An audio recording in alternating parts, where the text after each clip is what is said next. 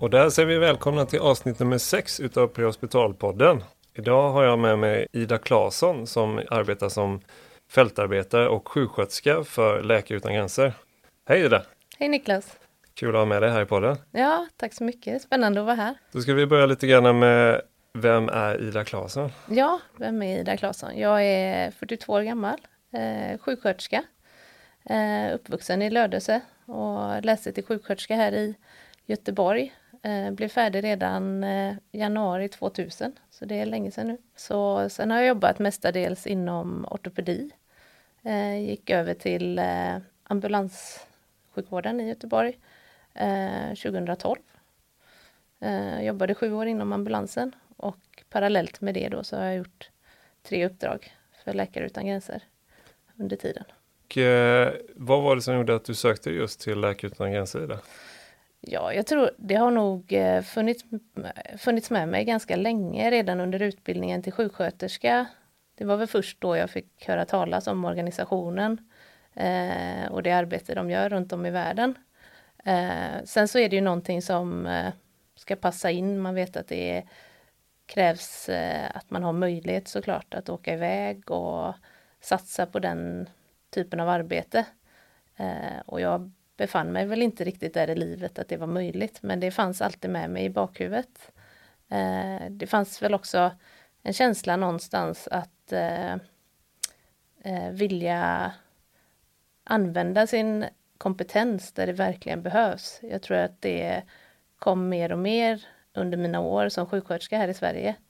Eh, och mitt intresse för vad som händer i världen och eh, jag, följ, jag försöker verkligen följa vad som händer och vilka insatser som görs och jag har alltid tyckt att det har varit intressant. Eh, och det fanns väl en drivkraft att kunna vara på plats och få jobba och använda sin kompetens där det verkligen behövs och kunna göra skillnad. Mm. Och att utmana sig själv också såklart. Det finns ju med att det är, man vet att det är en utmaning utöver det vanliga och något som lockar tror jag. Mm, ja, verkligen. Och vi kommer ju eh, komma in lite mer på det. Du ska få berätta om de här utmaningarna du haft just på uppdragen. Eh, men skulle du kunna berätta lite om hur processen ser ut när man söker sig till Läkare Utan Gränser? Vad, vad är det de letar efter? Ja, alltså jag kan ju säga också det som gjorde, för det finns ju många humanitära organisationer att jobba för och eh, det som gör att jag valde just Läkare Utan Gränser till att börja med, det är ju också att det jag, har, eh, det jag vet om deras arbete är att de kan arbeta väldigt självständigt. De inte är styrda, att man verkligen är att det är behovet som styr. Eh, och de har ju också det i sin, de är en väldigt gedigen rekryteringsprocess, tycker jag, där man, eh, man får ansöka eh, online och eh, man får ett telefonsamtal där man diskuterar lite vidare vem man är och vad man har för erfarenheter och de går igenom såklart det man har med sig och det är väl viktigt att man har, man ska ju ha arbetat eh, ganska så många år som sjuksköterska här hemma i Sverige och vara riktigt befäst i sin profession eh, för att kunna bli antagen. Eh, sen är rekryteringsprocessen, det är, för mig var det en två timmars intervju till att börja med. Som kanske, som, ja den inriktar sig både på vad man har för kompetens inom sitt område och inom, som sjuksköterska. Men såklart väldigt mycket på personlig, eh, personliga egenskaper, eh, vad man har för människosyn, eh, vad man har för drivkraft, vad som motiverar en att söka. Eh, och de är ganska noga med eh, motiveringen. Det är ju egentligen inte en organisation där man eh, söker en tjänst och eh, får ett ett eh, fett lönekuvert utan det, det ska vara en, eh, en motivation eh, mer som volontäraktigt som styr. Eh, sen är det också eh, tester eh, rent språkmässigt också att man ska kunna utföra sitt arbete på engelska och kommunicera, teamarbete, flexibilitet trycker de hårt på. Och sen blir man då, går man vidare därifrån så krävs det då att man gör en, eh, läser en utbildning som är förlagd i Stockholm. Eh, och den läste jag 2014 och då var det eh, Karolinska universitetet och Röda Korsets högskola som hade den tillsammans. Okej, okay, vad, vad är det som ingår i den? Ja, den hette då, nu, jag kan inte säga att det är exakt samma utbildning idag, men den hette Humanitarian Health Assistance och den inriktar sig på att arbeta som sjuksköterska Eh, i, eh, ja, i fattiga länder, i eh, andra, andra situationer än vad vi är vana vid här hemma. Sen de medicinska delarna är uppdelade så att man läser, eh, man fokuserar även på eh, pediatrik, alltså just att där det är vissa områden man fokuserar mycket på, till exempel att arbeta med undernärda, ta hand om undernärda barn. Det är förlossningsvård i u-landsmiljö. Eh, och sen läser man såklart eh, infektionssjukdomar som vi inte har i Sverige.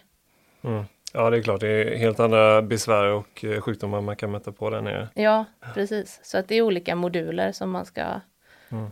eh, klara av innan man mm. är färdig. Och all utbildning eh, bedrivs ju på engelska. Så att det var väl den allra största utmaningen för mig tror jag, till att börja med. Att ta till sig eh, all medicinsk undervisning på engelska. Ja, ja det är klart man eh, touchar väl lite i det kanske på sjuksköterskeutbildningen men mm. eh, det ligger väl bakom en kanske sen. Ja, för mig var det också väldigt avlägset att studera överhuvudtaget. Jag har inte läst någon vidareutbildning och jag har arbetat som allmänsjuksköterska och inte suttit i skolbänken på 14 år tror jag. Då, mm. när jag sökte. Så det var, det var en utmaning, verkligen.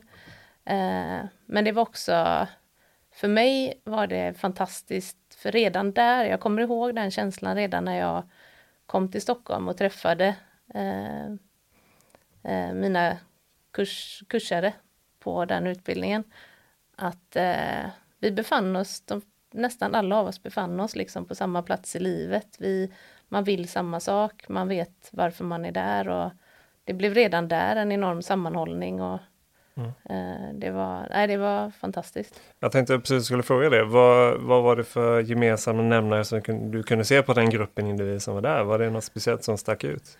Eh, ja, en sak som var ganska, eh, ja, vad ska man säga, alltså det känns som att jag tror att jag befann mig på en plats i livet då där jag kände mig lite eh, ja, hur ska jag förklara detta? jag, jag hade inte haft någon riktig riktning. Du vet, någon gång så får man, eller man kanske har haft en riktning i livet. För mig var det att jag hade väl tänkt mig mer ett Svenssonliv kanske och hamnat i det där med förhållande och man tänkte att det blir familj och fast jobb hemma i Sverige och sådär. Eh, sen för mig, för mig var det att jag hamnade i en situation där eh, där jag kunde liksom välja en ny riktning helt enkelt. Och jag kunde göra val utifrån vad som är viktigt enbart för mig själv. Eh, och så kände jag väl lite att det delade jag med mina, alltså mina kursare där.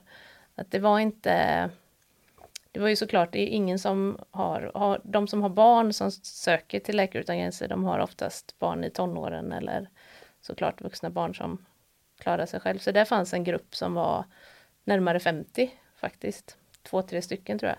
Sen var de flesta som jag mellan 30 35 eh, och har inte liksom påbörjat familjeliv och man har, alla hade liksom, det fanns en känsla av att man vill eh, utmana sig själv. Man vill eh, testa någonting helt nytt, liksom en ny riktning inom sin profession eh, någonting som är riktigt utmanande. Eh, och att man liksom vill, eh, ja men precis som jag kände att det, det, det är liksom det största intresset här och nu. Och ett intresse för andra, det är ju viktigt att det finns med och det, det har väl jag alltid haft. Eh, jag har alltid tyckt om att resa. Jag hade rest två längre resor i Afrika innan detta.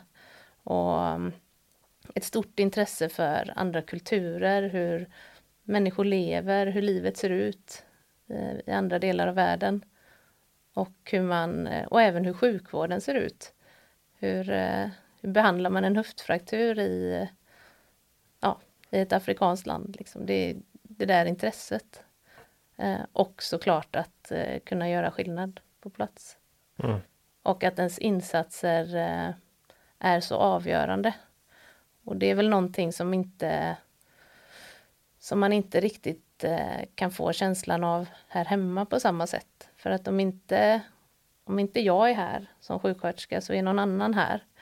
Men den stora skillnaden är ju liksom att eh, när man arbetar på det sättet så är det, det är det vi gör eller så är det inget alls. Utan det är så extremt avgörande. Jag tror att det är drivkraften för många och det är klart, det är, det är en fantastisk känsla. Ja, det måste vara och framförallt då när man vet att man gör det faktiskt inte för pengarna utan det är, det är rent, skulle du säga ideologiskt eller? Jag tror att man ska med sig att det finns eh, man pratar också under, både under utbildningen och under rekryteringen så är det mycket prat om motivation. Eh, motivationen ska väl i första hand vara den som vi har pratat om nu, att man, eh, att man vill göra skillnad och kunna hjälpa eh, på plats. Sen så tror jag att, eller sen är det så att alla har också en egen motivation. Man kan inte säga att det är helt, eh, det skulle vara fel att säga att det är helt oegoistiskt för att det uppfyller också någonting hos dig själv. Du får tillbaks väldigt mycket och du utmanar dig själv på ett sätt som du inte kan göra här hemma. Så att det, motivationen är ju liksom en kombination där. Men det är absolut inte pengar som motiverar dig. Eh, det kan jag säga. Nej, utan, men är det en sån lön då som man får som man klarar sig precis? Eller? Ja, eh, de flesta. Nu hade jag så pass tur att jag hade en sån billig hyra här hemma. Så jag kunde behålla min lägenhet. Eh, sen, så, sen så gör man ju sig av med sina kostnader så gott man kan. Eh, säljer bilen och ja, man, man drar ner på sina kostnader. Eh, under första uppdraget så fick jag ut 10 200 i månaden. Uh, och det kunde jag klara mina utgifter här hemma. Liksom. Mm. Sen står de ju för, sen står organisationen för allting du behöver när du är uh, iväg. Så att det är ju inga, du gör inte av med några pengar på plats. Mm. Men det, det, måste ändå bli då att då får man ju verkligen individer som gör det för rätt anledning kan jag tänka ja, mig. Det, ja. man, man är inte där för pengar eller något annat. Nej, Nej men så, så är det. Ja. Så är det verkligen och det, för mig var det väl hyran och mina studielån som skulle betalas, mm. försäkringar. Eh, det var det.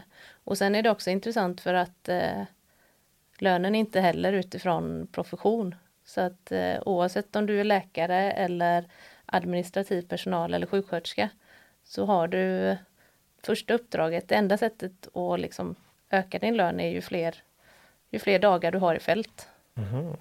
Så att eh, mina läkarkollegor hade samma lön som jag. ja. Så det är lite annorlunda. Väldigt, det får mm. man säga. Ja, men då, då går man den här utbildningen och hur lång sa du att den var? Eh, den var under, nu ska vi se, två månader på halvfart mm. kan man säga. Sen var det förlagt varannan vecka var heltidsstudier i Stockholm, varannan vecka var studier hemma. Så att det så egentligen var det inte, jag tyckte inte det kändes som halvfart riktigt. För mig blev det helfart. Ja, okay. det, var, det var en tuff utbildning. Eh, och eh, jag hade kontakt med mina kurskompisar hela tiden och vi gjorde, det var ju, eh, man skulle göra examinationer under tiden såklart och sen var det eh, grupparbeten som ska redovisas. Och så. Mm. så att, eh, men i slutet på april där 2014 var jag klar med den. Sen är det fler utbildningar.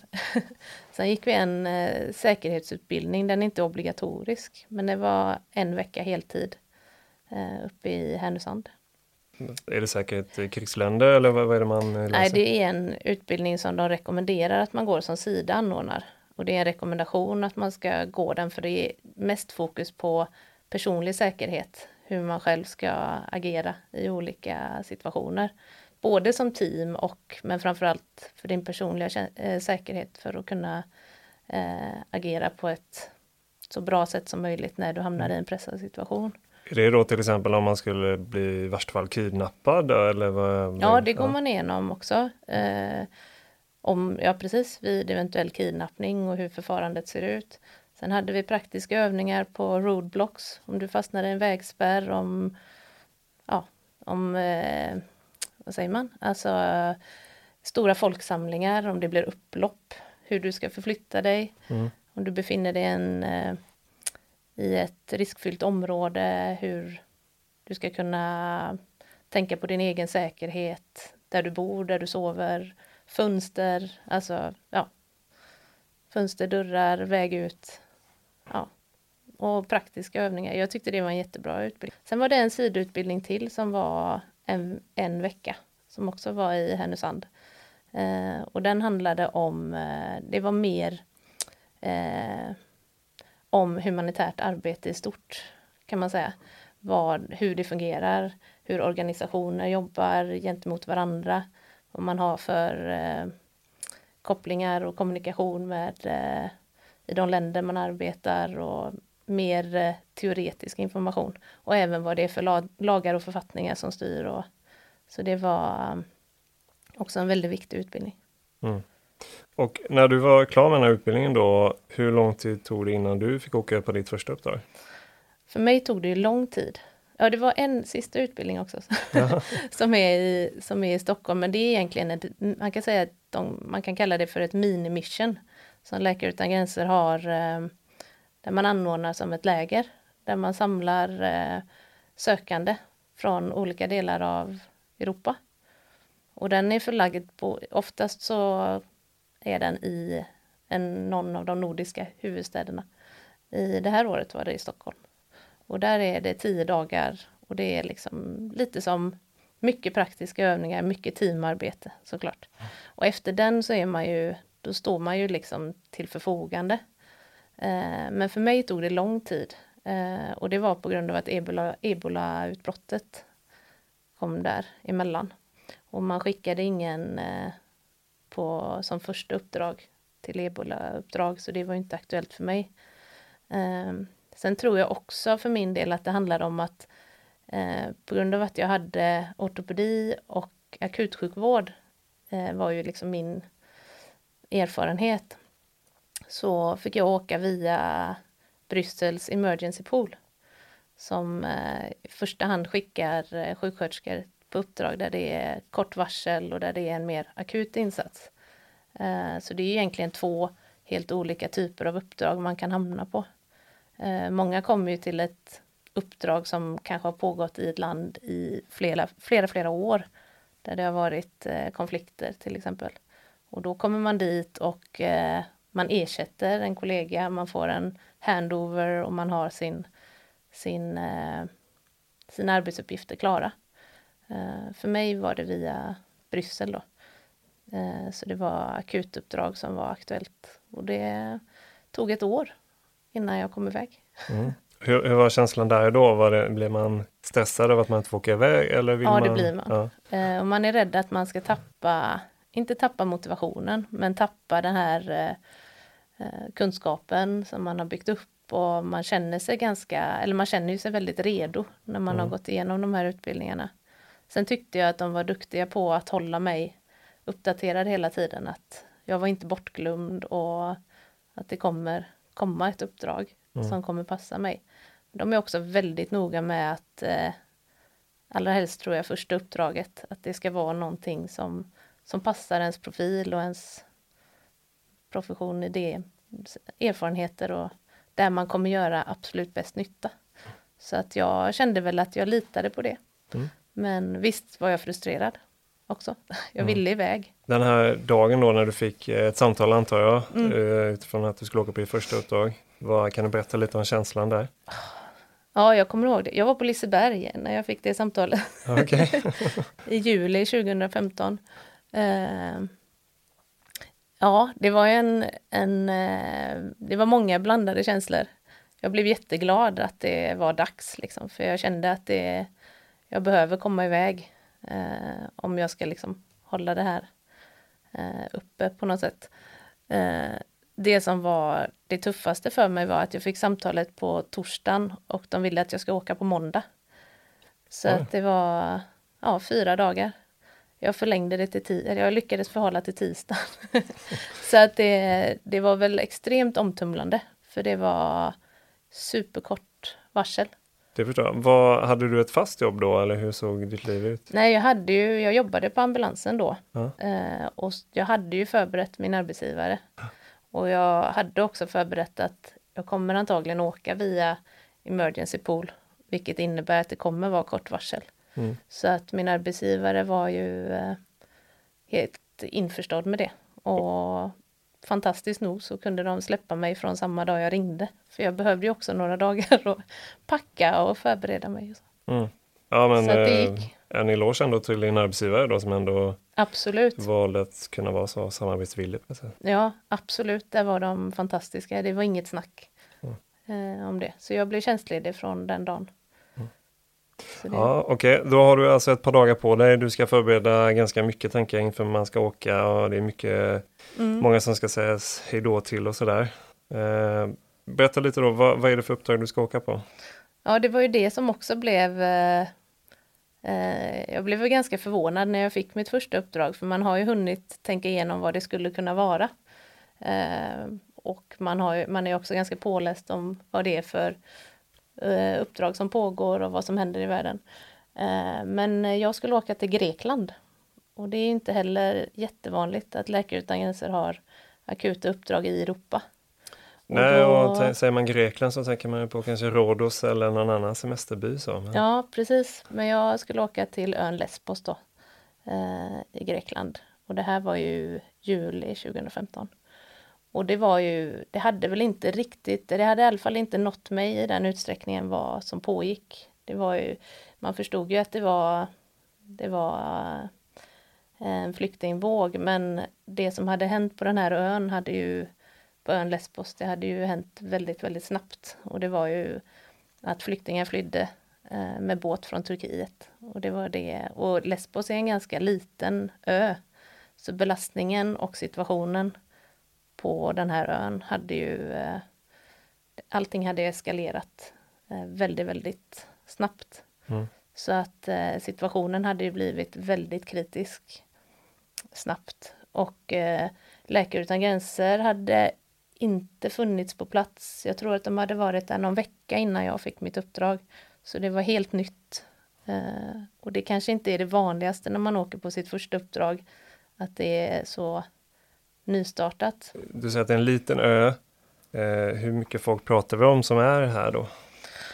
Eh, ja, jag vet att när det var när, eh, nu har jag inte siffrorna jätteuppdaterat, men när vi hade som högst belastning under mitt uppdrag så var det 6000 anländande per dygn.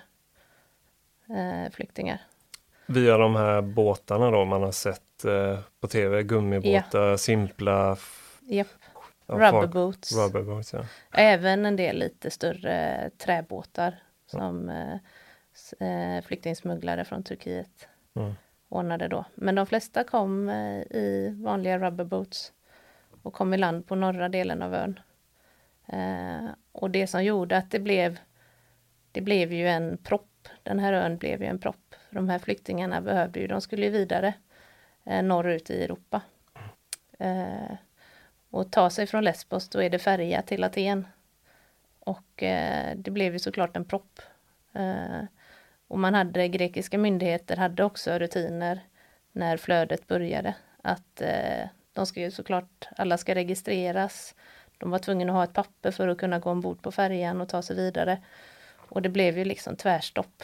Eh, och det fanns inte några, fanns ju inga läger som var organiserade såklart för att ta emot den här eh, mängden av människor som kom. Dessutom det som blev ett stort problem var också transporten från norra delen av ön ner till Mytilini som är hamnstaden där registreringen sker. Eh, det tar ungefär en och en halv timme med bil från norr till söder.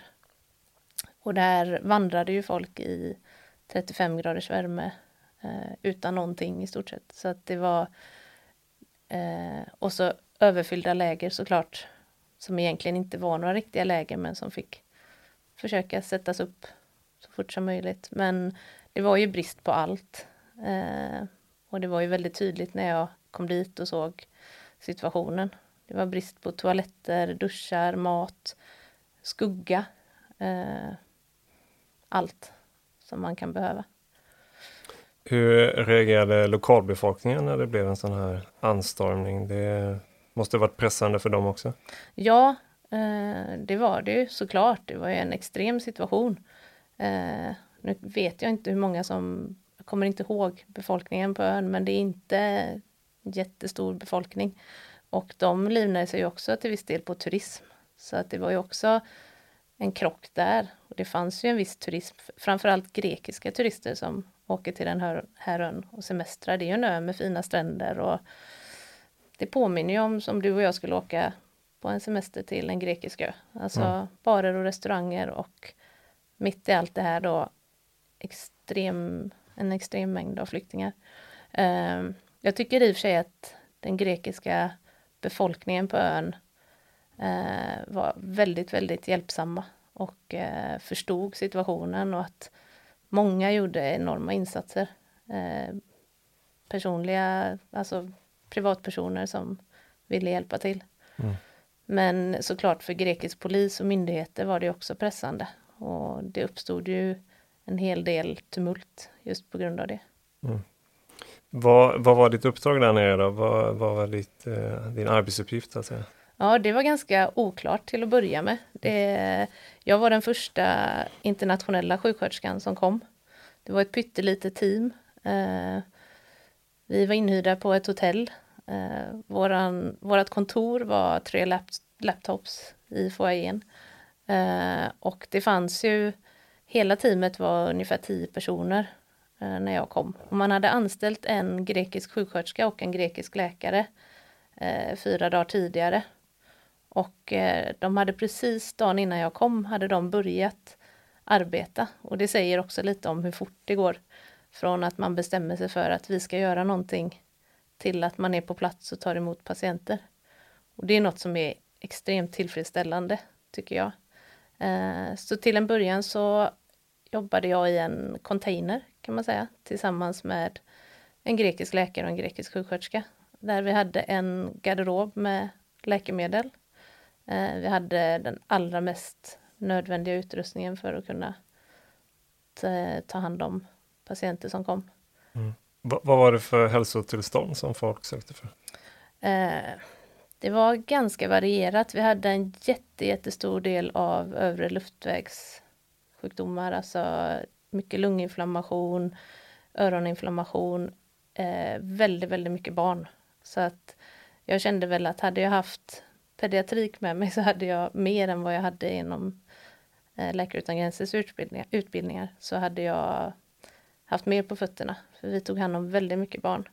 Eh, så vi behandlade mycket, mycket lunginflammationer och öroninflammationer. Sen var det mycket hudåkommor. Eh, väldigt mycket som var eh, hygienrelaterat. Eh, små spädbarn med eh, den värsta typen av blöjeksem. Du kan tänka dig alltså riktigt svåra infektioner, hudinfektioner på grund av hygiensituationen.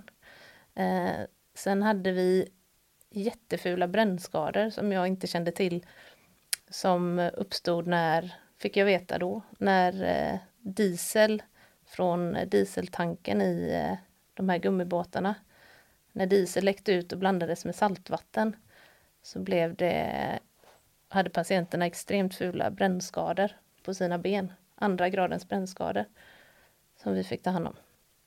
Eh, sen hade vi ju såklart alla patienter med kroniska sjukdomar, eh, hjärt-kärlsjukdomar, diabetes, eh, som hade varit utan mediciner under väldigt lång tid och var sjuka på grund av det. Plus även trauman då som uppstod. Mycket, vi, vi hade väl en del frakturer och eh, ja, skador som uppstod med trauman vid landstigningen från de här båtarna. Eh, var väldigt oländig terräng.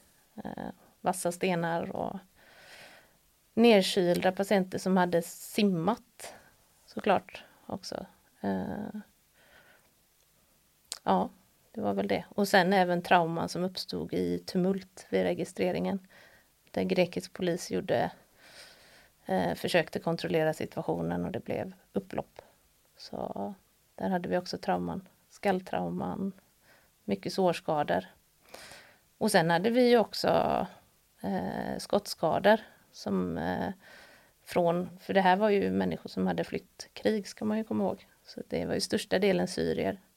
Eh, så vi hade ju en hel del skottskador eh, som hade blivit infekterade som patienterna hade gått med längre tid. Framförallt i armar och ben. Då.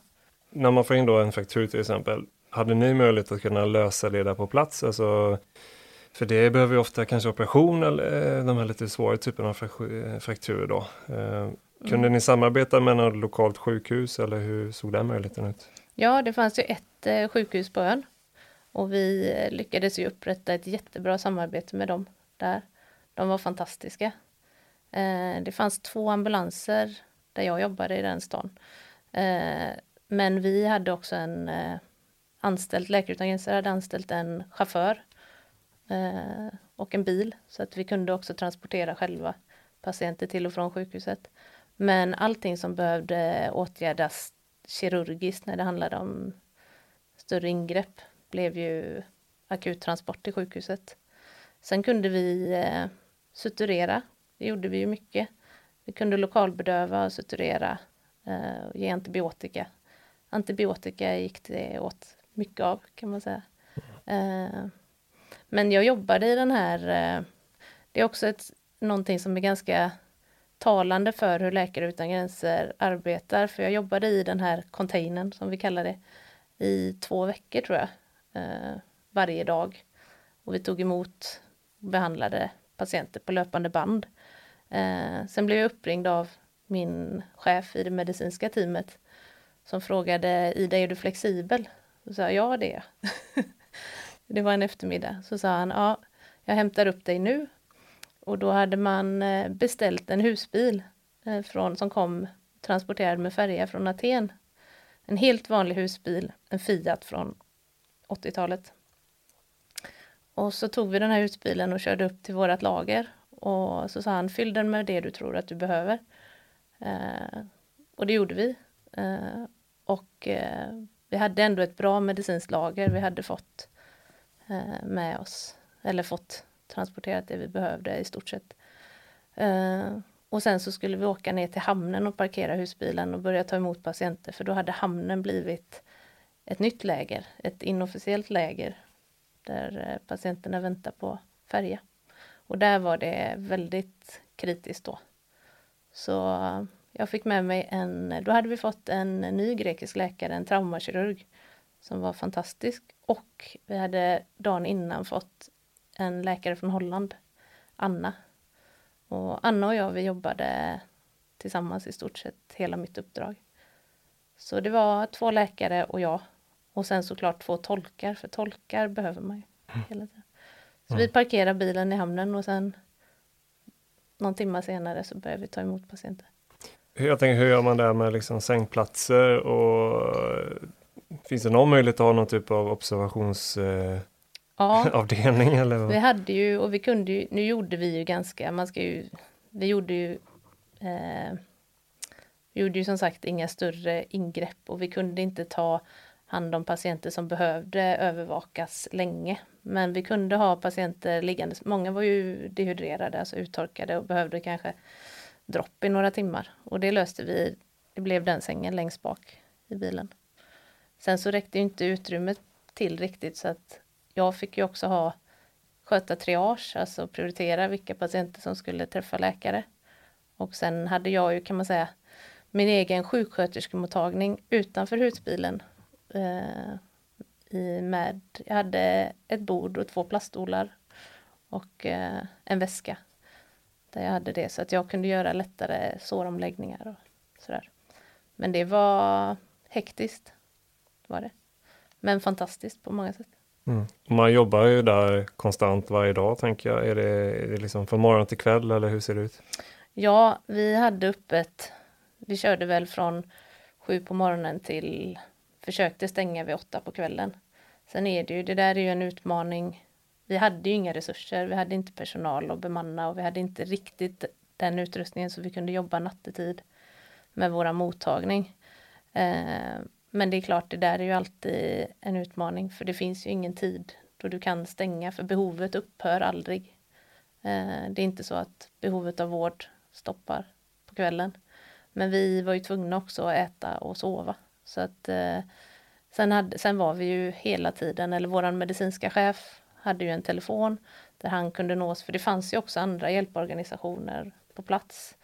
Eh, och även de grekiska myndigheterna hade nummer till oss. Så vi var ju online, så, eller vi var ju on call på natten.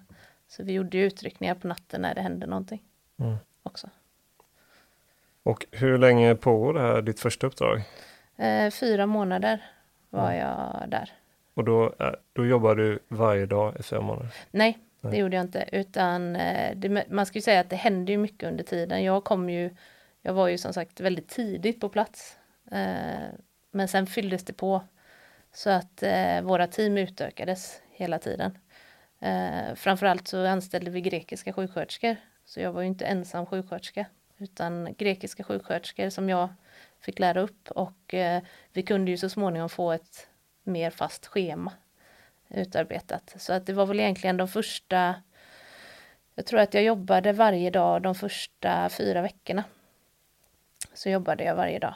Sen eh, införde man ledig, ledig lördag. Så vi var lediga, vårat medicinska team kunde ta ledigt varje lördag för då hade man utvecklat ett samarbete med en annan medicinsk organisation som tog ledigt söndagar. Så att då kunde man hänvisa patienter. Så, att det, så sen var vi lediga varje lördag. Ja, det får ses som lite lyx då. ja, sen ja. hade man, sen är det, finns det ju regler även där att när du har jobbat eh, under de här förhållandena under en viss tid så ska du eh, vara ledig. Sen ska man vara ledig två dagar i sträck, så det var jag efter sex veckor tror jag. Eh, och sen ska du ha en, om du stannar mer än tre månader så ska du ha en längre ledighet. Mm. Eh, fem dagar tror jag jag hade. Och då fick jag ju åka och vila upp mig lite utanför den här värsta zonen. Liksom. Går det att slappna av då? Eller är man så, jag tänker att man är så emotionellt engagerad i det här arbetet. Och mm. Jag skulle tänka mig att det är svårt att stänga av överhuvudtaget. Ja, det är det. Och eh, de här första lediga dagarna, kommer jag ihåg, den allra första lediga var lördagen, ska jag säga, som vi hade. Då åkte vi, då var vi väl fem stycken som tog en bil och åkte till en strand som låg utanför och skulle äta, äta och liksom vila. Och det krävdes ju att man kom ifrån för man kan inte, man kan inte vila upp sig när man är mitt i, i kaoset såklart. Eh, men vi la oss på varsin solstol och somnade allihop i skuggan. Och sen åt vi och sen åkte vi hem. Så det är, på något sätt är man ju ganska slutkörd eh, såklart. Så att sömnen kommer ju till en och vilan. Sen behövde man ju såklart också prata, alltså mycket av den lediga tiden gick ju åt till debriefing med sina kollegor. Mm. Ja, det, man har ju sett många hemska bilder på, på tv med de här framförallt båtarna då när det är folk som tyvärr inte har klarat den resan över och man ser hemska bilder när det är folk som spolas upp på, på stranden och sådär. Det, var det någonting som du också fick uppleva? Eller? Eh, nej, faktiskt inte. Jag var inte med och tog hand om eh, eh de dödsfall som inträffade. Eh, och det hände ju också inte riktigt där jag arbetade. Jag var ju mer i de här lägren då. Eh, vi hade faktiskt inget, jag var inte med om något dödsfall där. Däremot så hade jag ju kollegor och även andra organisationer och hjälparbetare som vi kommunicerar med som var mer längs med kusten på norra delen av ön som var med och tog hand om och eh, arrangerade begravningar och hela den biten för de dödsfallen som var. Mm. Ja, det måste vara ett fruktansvärt tungt arbete. Det... Mm. Jo, men verkligen. Och det är ju många det är ju många patientmöten där som man eh, som man liksom bär med sig såklart. Mm. Eh, för alltid. Och det, jag hade till exempel en, eh, det var väl också då man blev, det tog ju ett tag innan man insåg omfattningen av lidandet och vad de här människorna hade utsatt sig för under sin flykt. Eh, men vi tog emot en, eh, en familj med en mamma och tre små barn. Och den yngsta pojken han var tio dagar gammal. Eh, och han, de kom i land ganska nära där våran klinik var. Den här pojken hade varit, han hade hamnat i, för de här gummibåtarna blev ju vattenfyllda ofta ganska snabbt. Så han hade lyckats eh, få i sig saltvatten. Så han hade eh, väldigt jobbigt med andningen och en svår lunginflammation. Så vi lyckades få honom till sjukhuset snabbt. Men sen var det två barn till så att eh, vi tog hand om de andra två barnen eh, under tiden. Det var ju situationer som bara skulle lösas. Eh, problemet var att pappan hade kommit bort i samband med eh, landstigningen på ön. Så att mamman var ju också helt förstörd för hon hade blivit separerad från pappan. Hon hade två barn som var i fyra, femårsåldern och så den här lille pojken som var kritiskt sjuk. Eh, men när han blev utskriven från sjukhuset så hade vi lyckats tillsammans med ett samarbete med andra organisationer och lyckats eh, lokalisera vart pappan var. Så det är ett sånt där minne som jag bär med mig när vi pojken var utskriven och eh, jag och min kollega kör i våran bil, mamman och hennes tre barn eh, till den här delen av lägret där pappan var. Och den återföreningen är, det är en sån sak som jag alltid kommer bära med mig. För de, eh, de var nog ganska säkra på att de aldrig skulle, dels att de kanske inte skulle överleva, men att de aldrig skulle ses igen. Så det, det var väldigt vackert. Ja, och där kan jag då tänka mig att allt det här arbetet man har lagt ner, det får en att känna att det är värt det kan jag tänka mig, när man får de här speciella. Ja, och man får också extremt mycket, man får ju uppleva så mycket känslomässigt. Man ser vad insatserna gör skillnad och det blir väldigt tydligt eh, när man arbetar och tar hand om familj, det är ju också familjer och den här frustrationen hos, det kan jag känna nu själv eftersom jag också, nu har jag barn själv så att jag kan ju tänka mig in i det kanske på ett annat sätt också men när man ser frustrationen hos föräldrar som inte kan ta hand om sina barn på grund av den situationen. Eller deras upplevelse är att de kan inte ta hand om sina barn på ett bra sätt. Eh, och den desperationen och frustrationen och att kunna hjälpa till där och kunna stötta upp.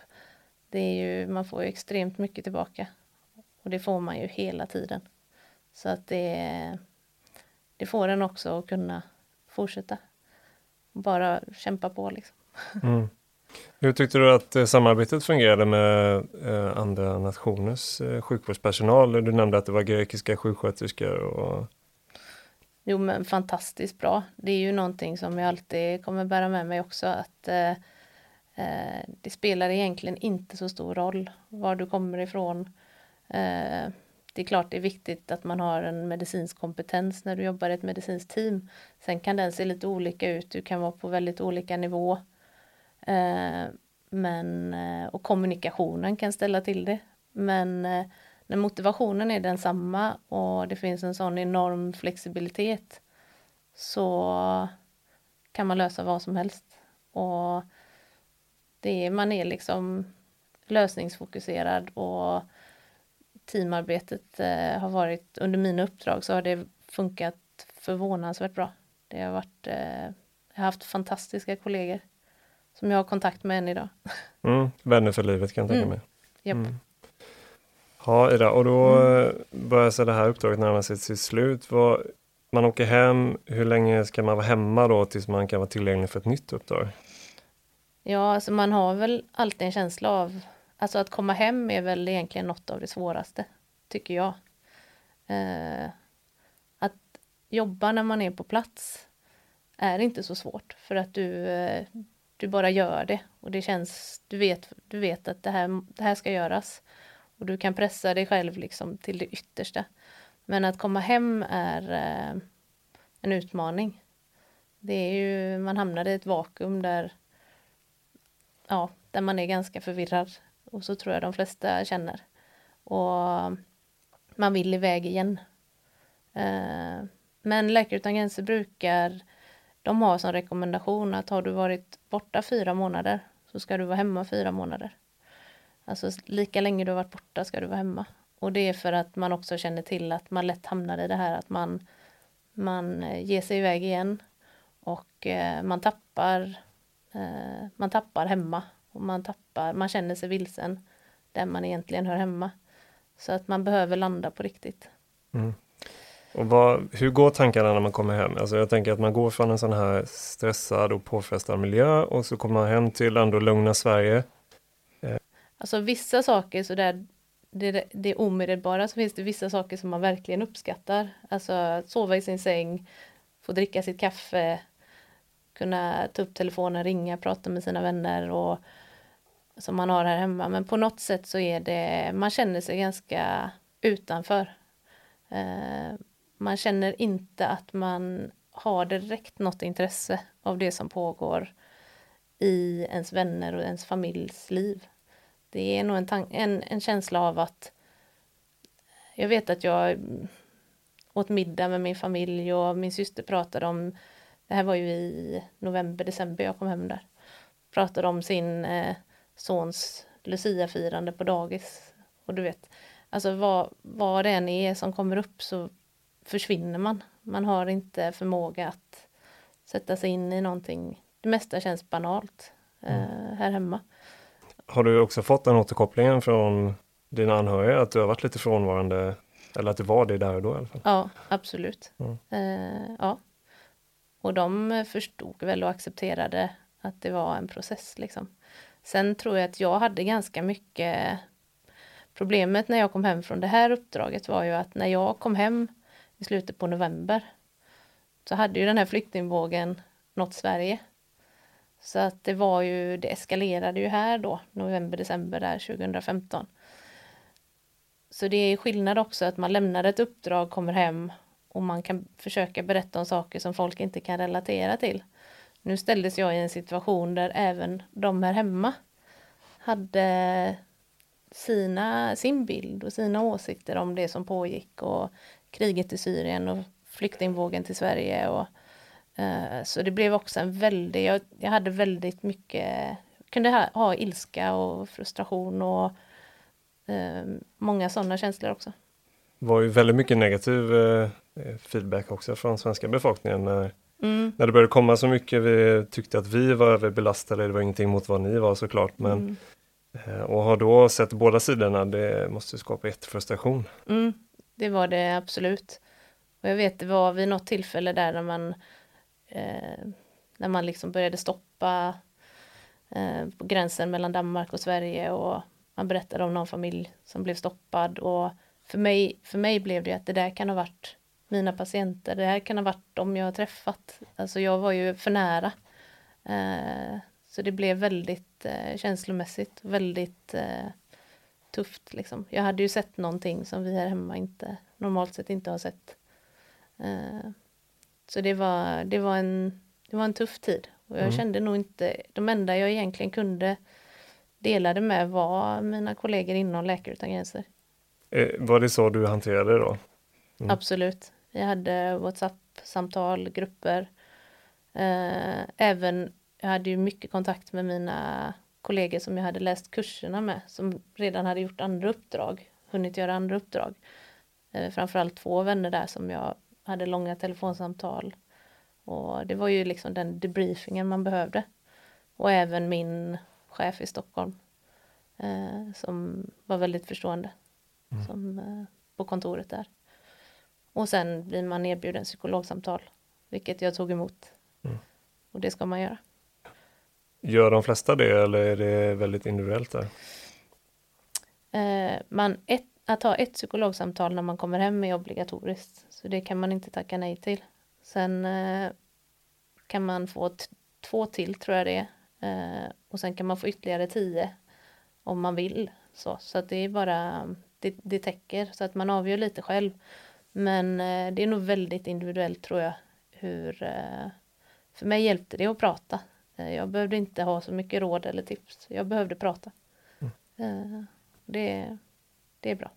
När kom nästa samtal då? När var det dags att åka iväg till, på nästa uppdrag? Ja, då blev det i mars 2016. Så ja. jag, var, jag var hemma från slutet på november till slutet på mars. Mm.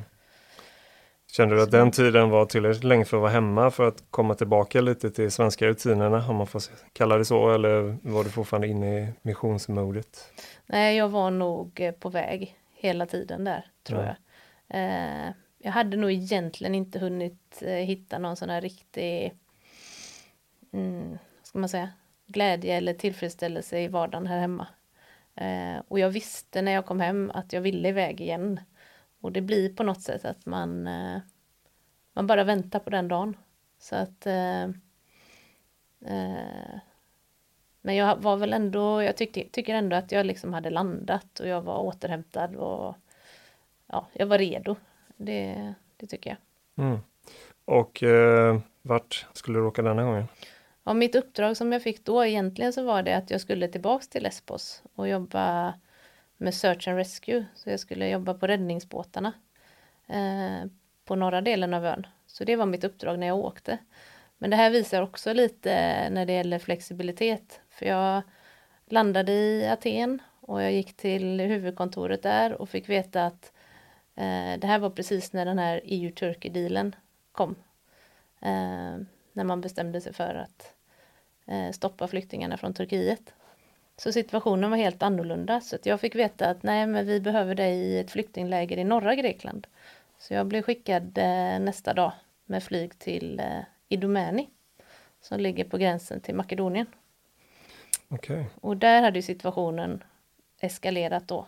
För där blev alla flyktingar stoppade att lämna Grekland och ta sig över gränsen till Makedonien. Eh, jättespännande att höra. Eh, och vi har ju så himla mycket mer att prata om. Så att eh, vi gör detta till ett eget avsnitt och sen så kommer lyssnarna få höra fortsättningen del två då eh, som nästa avsnitt. Så mm. tack så jättemycket för att du har varit med i detta avsnittet. Ja, men tack så mycket.